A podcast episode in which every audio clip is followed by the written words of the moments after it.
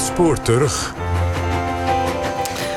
U kent vast de ketel uit de strip Asterix en Obelix... waarin de druïde Panoramix nu en dan een toverdrank brouwt... die de Galliërs uit het dorp onoverwinnelijk maakt... zodat ze met succes ten strijde, ten strijde kunnen trekken tegen de Romeinen. Het is de ketel waar Obelix in is gevallen toen hij een kind was.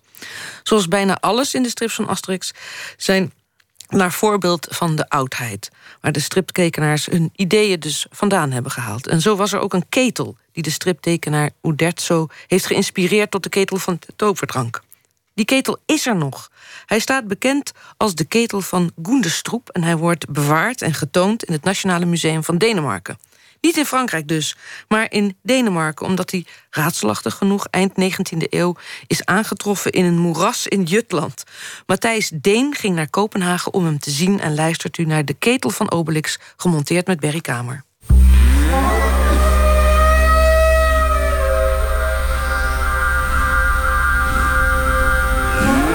Why here? Why Gunderstrup? well, we don't know. but, we, but on the other hand, it is here. Uh, that, that, that, that's a fact. Er was een verhoging waar de priesteres opklom. En daar sneed ze de ene na de andere gevangene... die voor haar werd opgetild, de keel door. Er waren er zoveel die zich wilden ophangen... dat er bomen te weinig waren... zodat ze zich moesten ophangen aan de horens van hun koeien. Je, moet in ieder geval wel uh, laten merken dat je je bewust bent van het feit dat je alles door een Romeinse bril ziet. Diep onder dit verhaal schuilt een mysterie. Een raadsel dat niemand ooit, ruim 2000 jaar nadat de gebeurtenissen zich hebben voorgedaan, helemaal zal kunnen oplossen. De Romeinen met hun geschiedschrijvers waren nog niet tot Noordwest-Europa doorgedrongen. Hier hield de ongeschreven prehistorie nog stand. Het is de tijd van de veenlijken. Van boeren met schapenvacht of leren jassen aan. En vrouwen met van wol geweven veelkleurige jurken met ruitmotieven. Op het menu nu en dan wat vlees. Maar vooral roggebrood, honingbier en ketels vol borrelende dikke pap. Van graszaden, vlasdotter, boekweit en gerst. We weten niet wat zich hier voordeed, want deze mensen schreven niets op. Soms namen ze iemand uit hun midden, dat weten we dan weer wel. Een buitenbeentje, iemand die veel gereisd had, iemand die mank was, iemand die iets misdaan had. En die wurgden ze dan. Of sneden de keel door en legden ze in het veen. Turfstekers in Drenthe, maar ook in Duitsland en Denemarken... waren er altijd op bedacht dat ze in het veen... de geofferde lichamen konden aantreffen van deze verre voorouders. Het Deense veenlijk, de man van Tollund, laat zien hoe ze eruit zagen. Heel, heel, heel erg gewoon.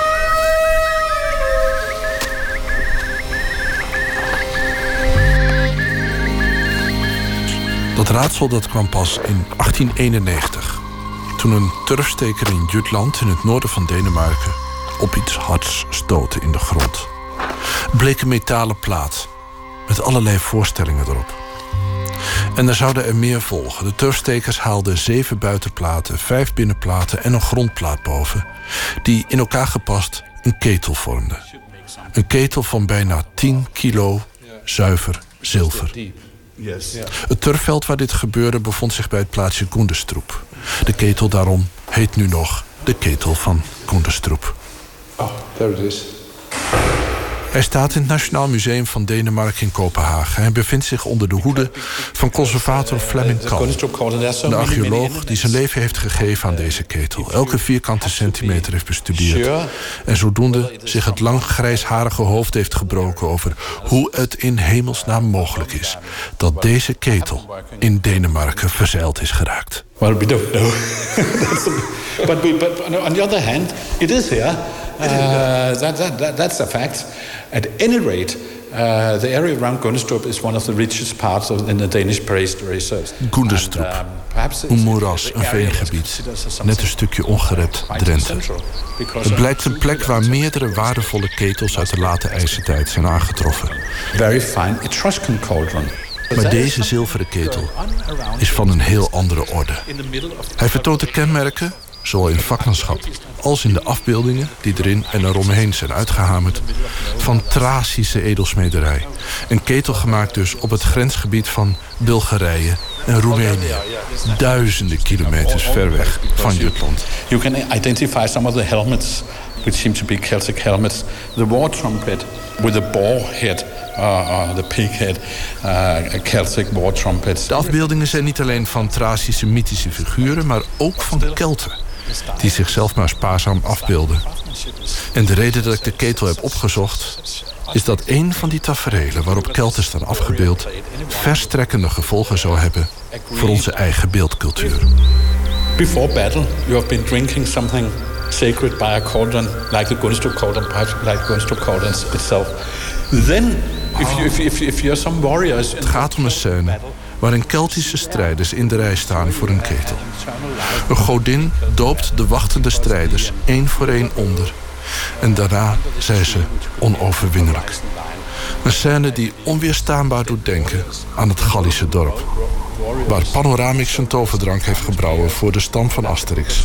De ketel waar Obelix als kind in is gevallen. You bring the sacred brew or soup or whatever. You bring it from somewhere into the cauldron, and then you can uh, drink from it. The, the, point is that it has to be in the cauldron because that's, that, that, that is the, the, the cauldron and the motives of the cauldron which give some power of, of, of the gods. Before they go into battle, they drink from the cauldron. Yes. Yeah. Nee, Obelix, nee. Als kind ben je immers in de ketel gevallen.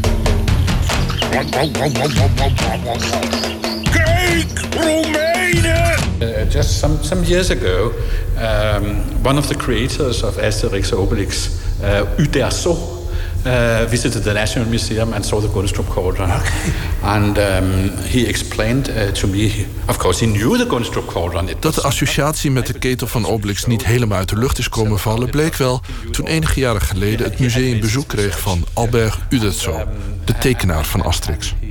Uderzo kende de ketel, zo bleek. Sterker nog, hij was in Kopenhagen omdat hij hem met eigen ogen wilde zien.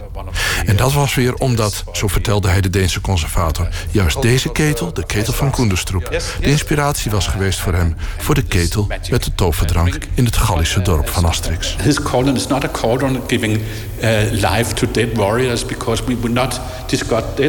Maar dan wel ondaan van de dood. En ondaan van alle religieuze verwijzingen. Want Asterix is en blijft een sprookje voor kinderen. En religie. Voor religie is niet zoveel plek in het revolutionaire Frankrijk. Actually, Obelix in the culture is actually immortal.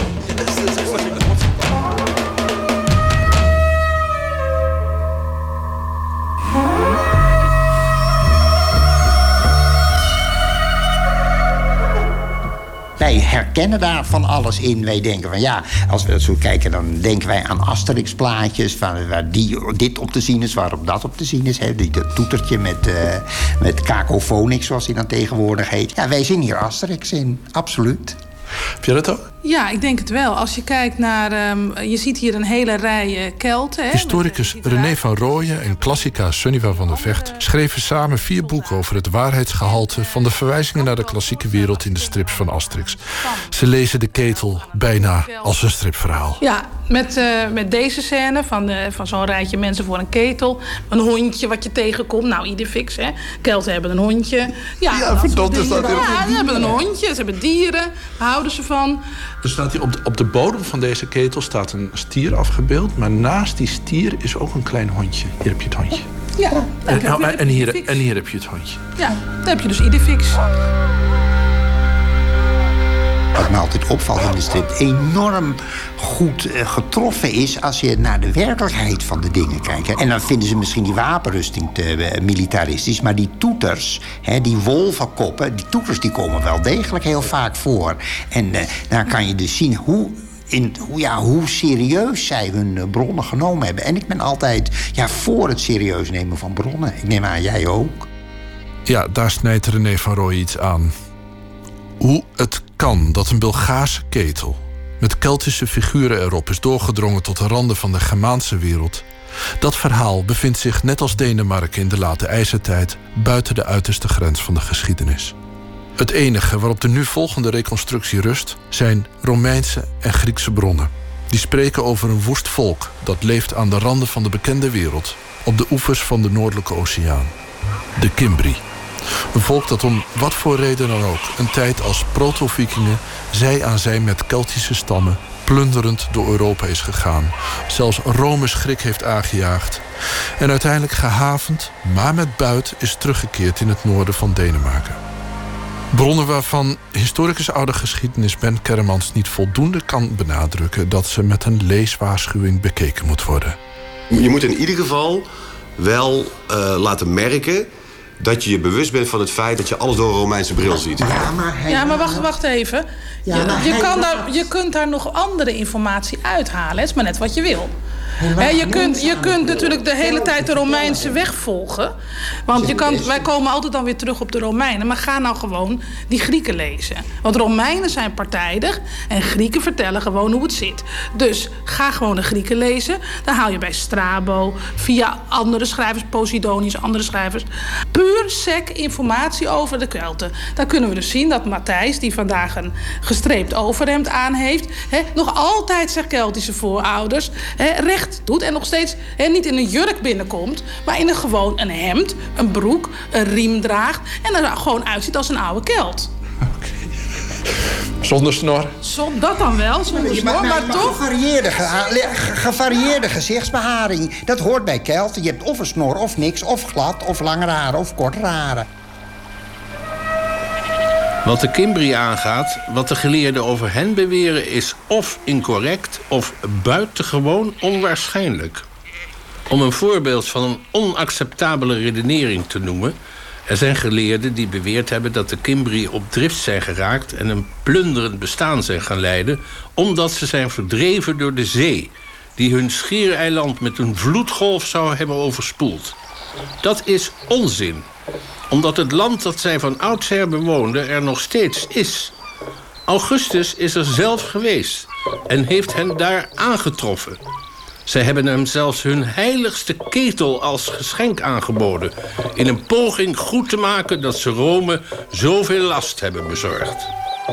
Ik heb het allemaal met eigen ogen gezien. Dat zijn de woorden van de Griekse historicus Strabo. In dit geval niet, maar dat doet er niet toe. Die een eeuw na dato de tocht van de Cimbri over het Europese continent... met een grote innerlijke overtuiging beschreef. De bewering dat er zich een excessieve vloed zou hebben voorgedaan... heeft alle kenmerken van een verzinsel. Al had hij het ook uit derde hand. Leitages beweert dat ruiters die de stormvloed zagen naderen... En kon hij zich geboren nabij de getijdeloze Zwarte Zee... De golven zijn weggegaloppeerd. Toch bitter weinig voorstellen bij de verwoestende de stormvloeden van de Noordzee. Bovendien is het ridicuul te veronderstellen dat ze hun huizen hebben achtergelaten vanwege een fenomeen dat eeuwig en natuurlijk is. Net als zijn collega-historici, de Griek Plutarchus en de Romein Livius, spreekt hij met afschuw over de Deense Kimbri. Samen met de Teutonen vond hij ze het schoolvoorbeeld van het barbarendom. zelfs dat dit volk meer mensenlevens verloor door toedoen van het water dat dan door de Kimbri rond 120 voor het begin van de jaartelling op drift waren geraakt door Europa. Daarvoor wilde hij van geen verzachtende omstandigheid weten. Dus dat de Kimbri die de zee goed kennen zich zouden hebben laten verrassen... en in doodsangst op de vlucht zijn geslagen... het is allemaal heel onwaarschijnlijk. Zelfs een eeuw nadat de gebeurtenissen zich hadden voorgedaan... waren er al tal van feiten en alternatieve feiten in omloop over de stammen aan de Noordzee.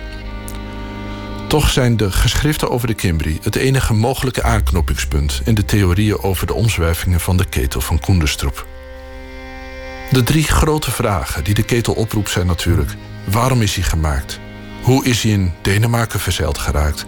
En waarom is een voorwerp van zo grote waarde gewoon in het moeras achtergelaten? Historical sources, uh, Roman historical sources tell that warrior bands from Denmark or Northern Germany. We gaan nog een keer terug naar Fleming Kal. Volgens hem zit het namelijk zo.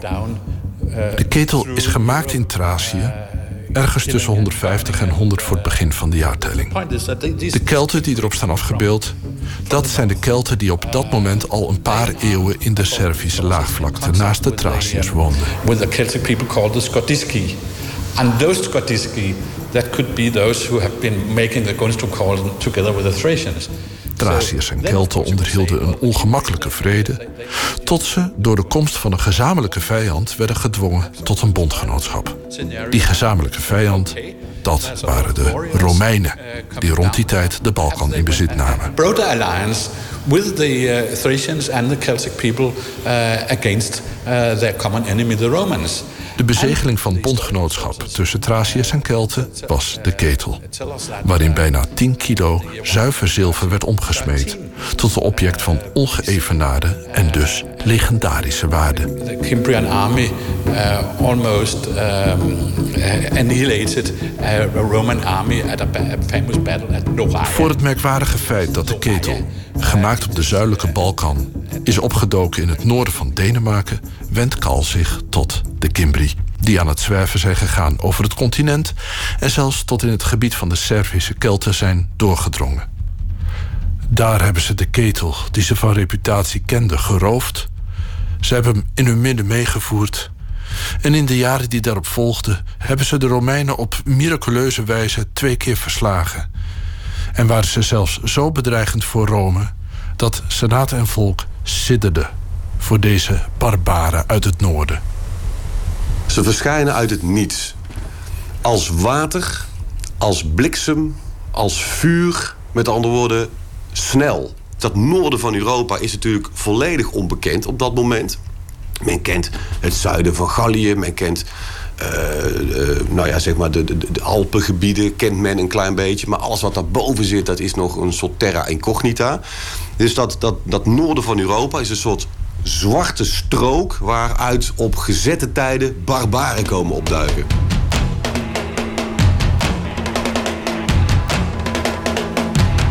De Cimbri, zegt men, woonden in de meest afgelegen streken aan de kust van de Buitense Oceaan. Het land is zo dicht bebost dat het zonlicht nauwelijks doordringt tot op de grond.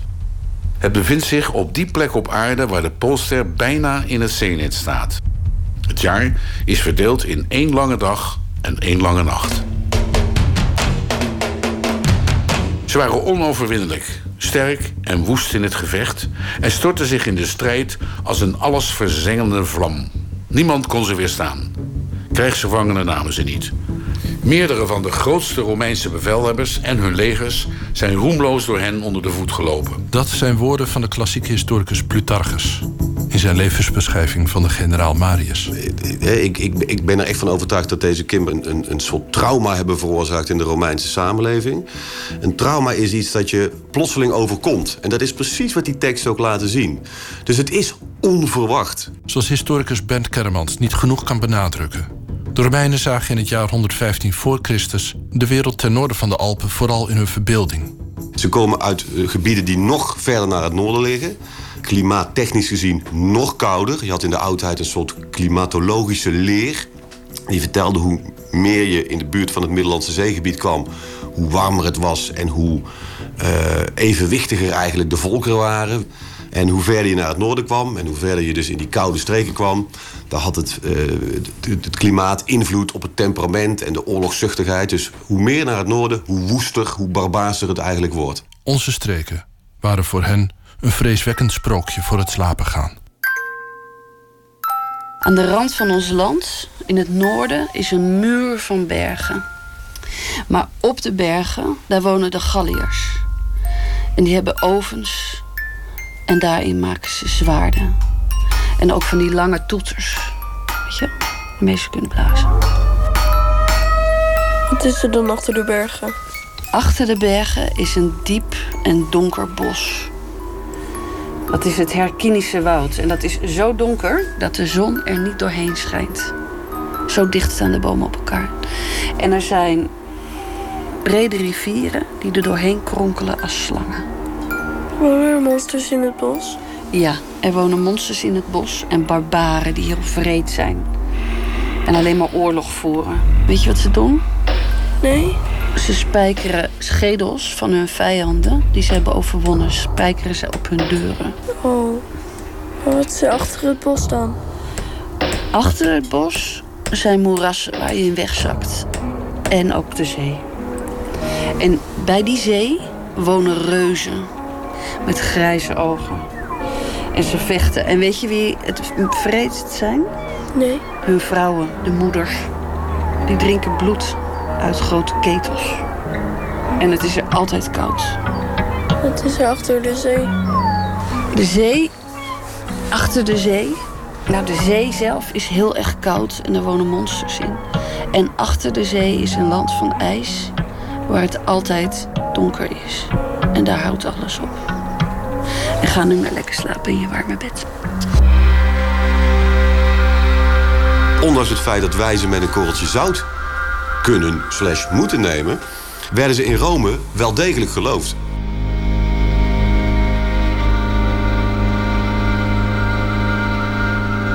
En daar in dat land van duistere vermoedens en gevaren kwamen de Kimbri met hun buren de Teutonen langs de rivieren vanuit het noorden naar de grenzen van het Romeinse Rijk. Posidonius stelt vast dat de Kimbri op hun reizen door de Boii uit het Hercynische woud verdreven zijn en dat ze de Donau hebben gevolgd tot aan het land van de Skordiski.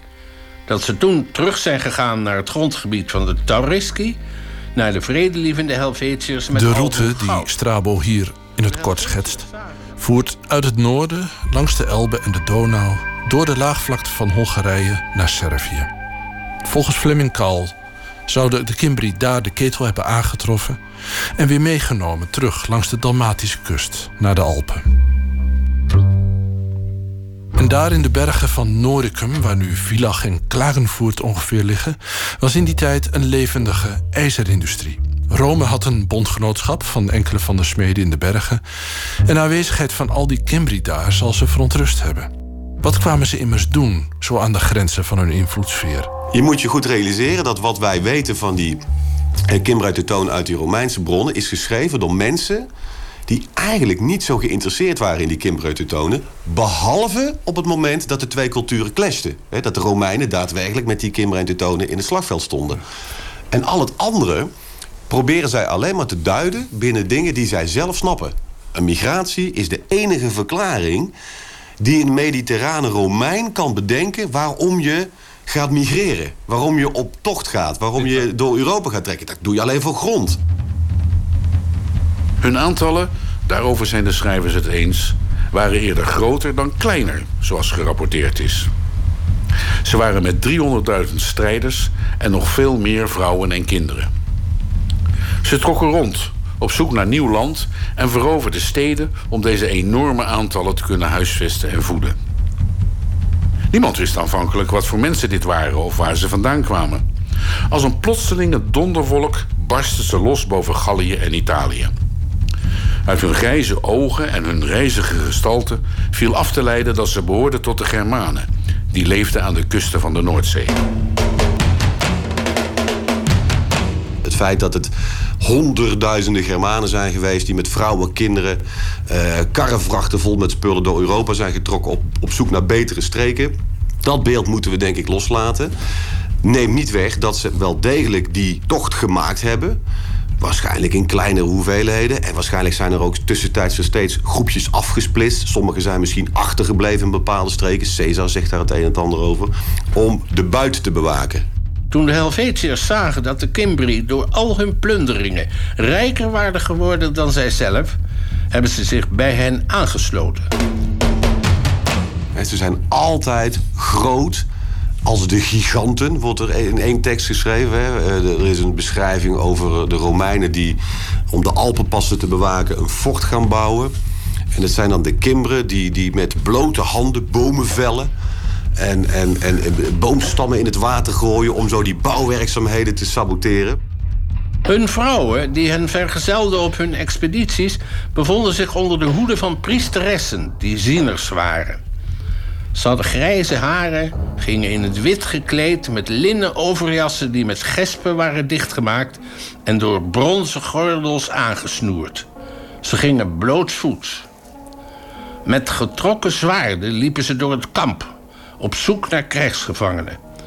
Ze kroonden ze eerst met kransen en leidden ze dan naar een ketel van ongeveer 20 amfora. Er was een verhoging waar de priesteressen opklom en daar sneed ze de ene na de andere gevangene die voor haar werd opgetild de keel door. In hoe het bloed schuimde in de ketel lazen de priesteressen de toekomst, terwijl anderen de lijken opensneden, de ingewanden inspecteerden en profeteerden dat ze zouden zegevieren. Tijdens de veldslagen namen hun vrouwen plaats op hun wagens en sloegen met stokken op de huiden over spanning. Hierdoor ontstond een onaards en angstaanjagend geluid. Twee keer verslaan de Cimbri Romeinse legers die op hen zijn afgestuurd. De eerste keer in 113 voor Christus in de Alpen, de tweede keer in 105 voor Christus bij Orange in het zuiden van Frankrijk. Livius noteerde in zijn geschiedenis van Rome de Cimbri versloegen ons leger en doden 80.000 man en 40.000 volgers en aanhangers. Marcus Aurelius Scaurus, luitenant-generaal onder de consul, gevangen genomen door de Cimbri, is in hun vergadering door Boiorix gedood omdat hij, toen een invasie van Italië ter sprake kwam, had gezegd dat dat de Cimbri nooit zou lukken omdat de Romeinen onoverwinnelijk waren. Rome stuurt ten einde raad een nieuweling op de barbaren af. Het is een generaal, hij heet Marius. Het is dan het jaar 101 voor Christus. Wie kan Rome nou redden? En dan is het wel interessant om te zien dat er eigenlijk binnen die Romeinse cultuur, binnen die Romeinse samenleving, weinig vertrouwen lijkt te zijn in de gevestigde politieke orde. Je zou zo'n parallel naar het heden kunnen trekken. Rome zit in een dipje. Het gaat even niet zo lekker. En dan is het heel erg verklaarbaar dat een nieuwkomer die zich al bewezen heeft binnen dat leger... ineens naar voren wordt geschoven als de held van het Romeinse volk. En Marius is echt degene die als het ware door het volk naar voren wordt geschoven. Nou, dan hij maar. Die Kimmer die zijn de Alpen overgestoken in de tussentijd. Het is een invasie over de met sneeuw bezaaide Alpentoppen. Dat is ook een mooie beschrijving van hoe die Kimmeren op een gegeven moment... met ontbloot bovenlijf uh, op hun schilden kruipen... en zich zo, als het ware, als een, met, als met een slee naar beneden laten eh, glijden. En daarna meldt Bojorik zichzelf bij Marius. Ja, en dan gaan ze vervolgens een, een, een gesprek aan over waar dan uiteindelijk die slag moet gaan plaatsvinden. Wat interessant is, is dat er juist wordt gezegd dat er wordt gezocht naar een plek waar die enorme mensenmassa zich kan manoeuvreren. Dus hier wordt weer enorm het accent gelegd op hoeveel er waren.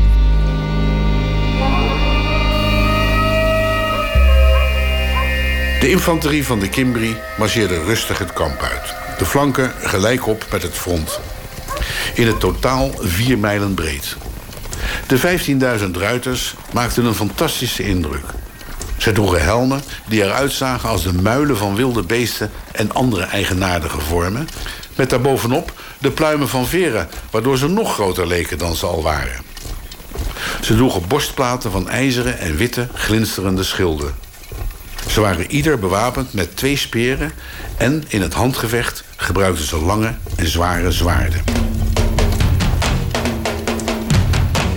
Opgegroeid in koude en schaduwrijke landen waren ze in staat kou te verdragen. Nu werden ze overmeesterd door de hitte. Ze zweten overvloedig en hapten naar adem.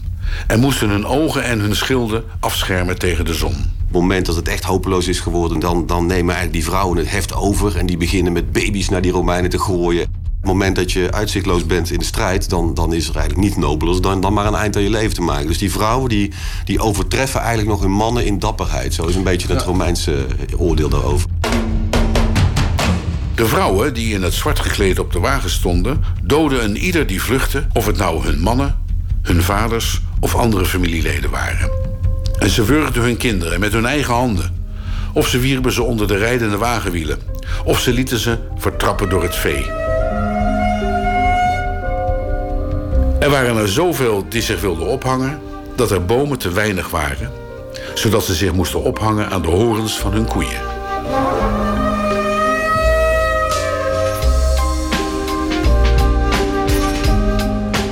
Als de ketel bij de veldslag in de buurt is geweest, is hij op miraculeuze wijze ontsnapt, zoals het een magische ketel betaamt.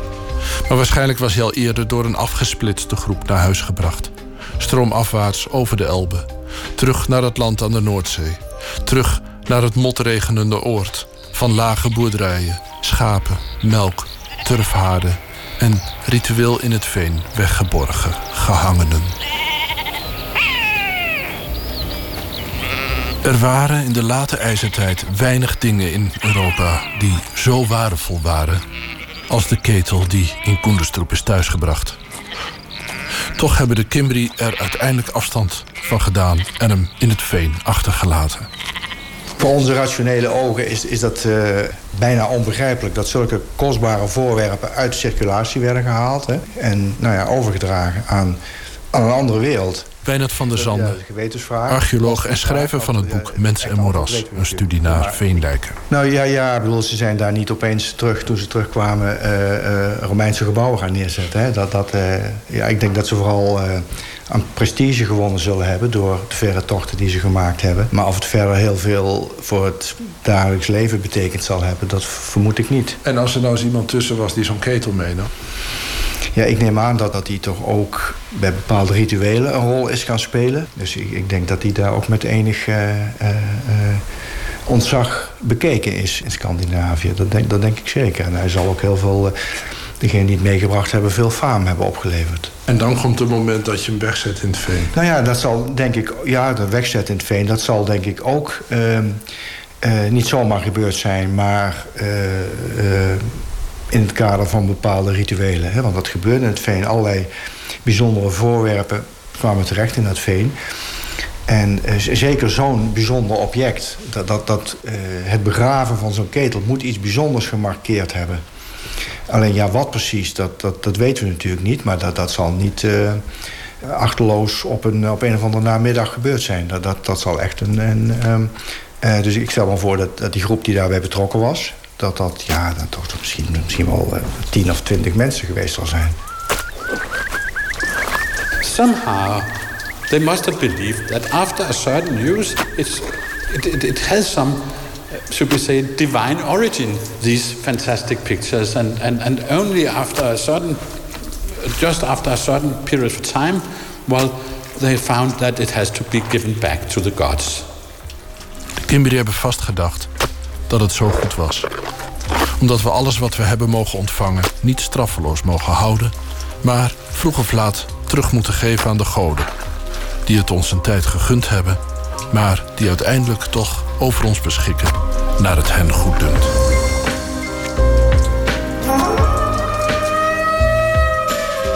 U hoorde De Ketel van Obelix, een programma gemaakt door Matthijs Deen en gemonteerd met Berry Kamer. En u hoorde de stemmen van Ton van der Graaf, Arend Jan Herman van Vos, Jeroen Wielaert, Kim Souter en Joris Deen. Met dank aan het Nationale Museum van Denemarken in Kopenhagen.